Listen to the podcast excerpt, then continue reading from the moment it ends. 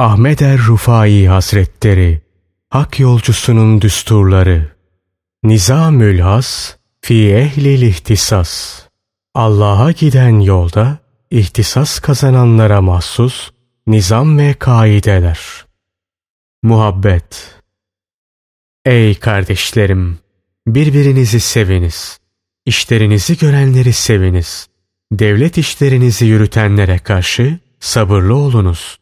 Devlet reisinize karşı baş kaldırmayınız.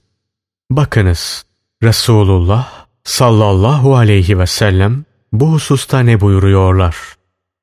Kim ki kendi devlet büyüğünün hoş olmayan bir icraatını görürse sabırlı hareket etsin.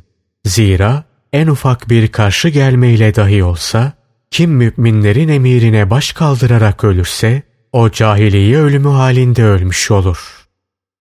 Allah ondan razı olsun. Samit oğlu Ubade'nin rivayet ettiği bir hadiste de Resulullah sallallahu aleyhi ve sellem şöyle buyururlar. Resulullah sallallahu aleyhi ve sellem biat için bizi davet etmişti. Biz de kendisine biat ettik. Resulullah'ın bizden aldığı ahit ve misakta, sevinçli anlarımızda da, kederli anlarımızda da, sıkıntılı hallerimizde de, geniş hallerimizde de, Allah'ın ve Resulünün emirlerini dinleyip itaat edeceğimize, açık ve cerh edilmez bir küfür hallerini görmedikçe, velev ki kendi arzularını bizim arzularımız üzerine tercih etseler bile, amirlerimize itaat edeceğimize ve onlara karşı gelmeyeceğimize dair biat ettik, söz verdik.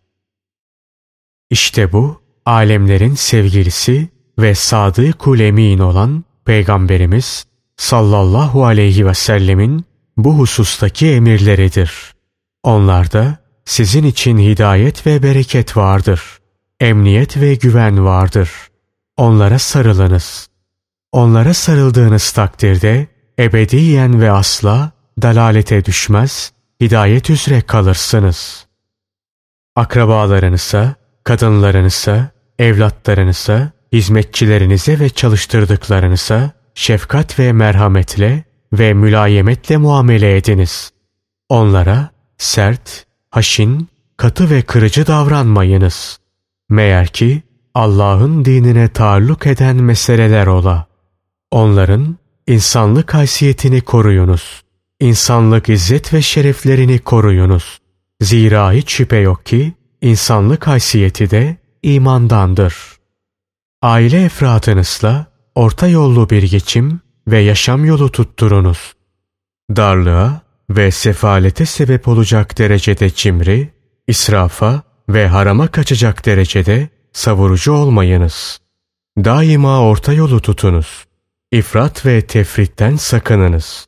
Zira biz orta yolu tutan bir ümmetteniz. Yatak ve örtü hususunda ölçülü davranın. Hayatın zorluk ve sertliklerine kendinizi alıştırın. Çünkü nimetler devam etmez. Şehvette, elbise ve yiyecek sevgisinde fazlaya meyletmeyin.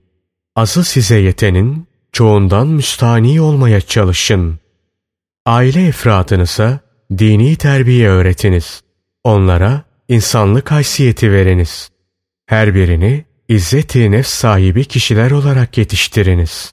Dillerini ancak ve sadece şerefli ve hak sözler söyleyecek şekilde kayıt altına alınız.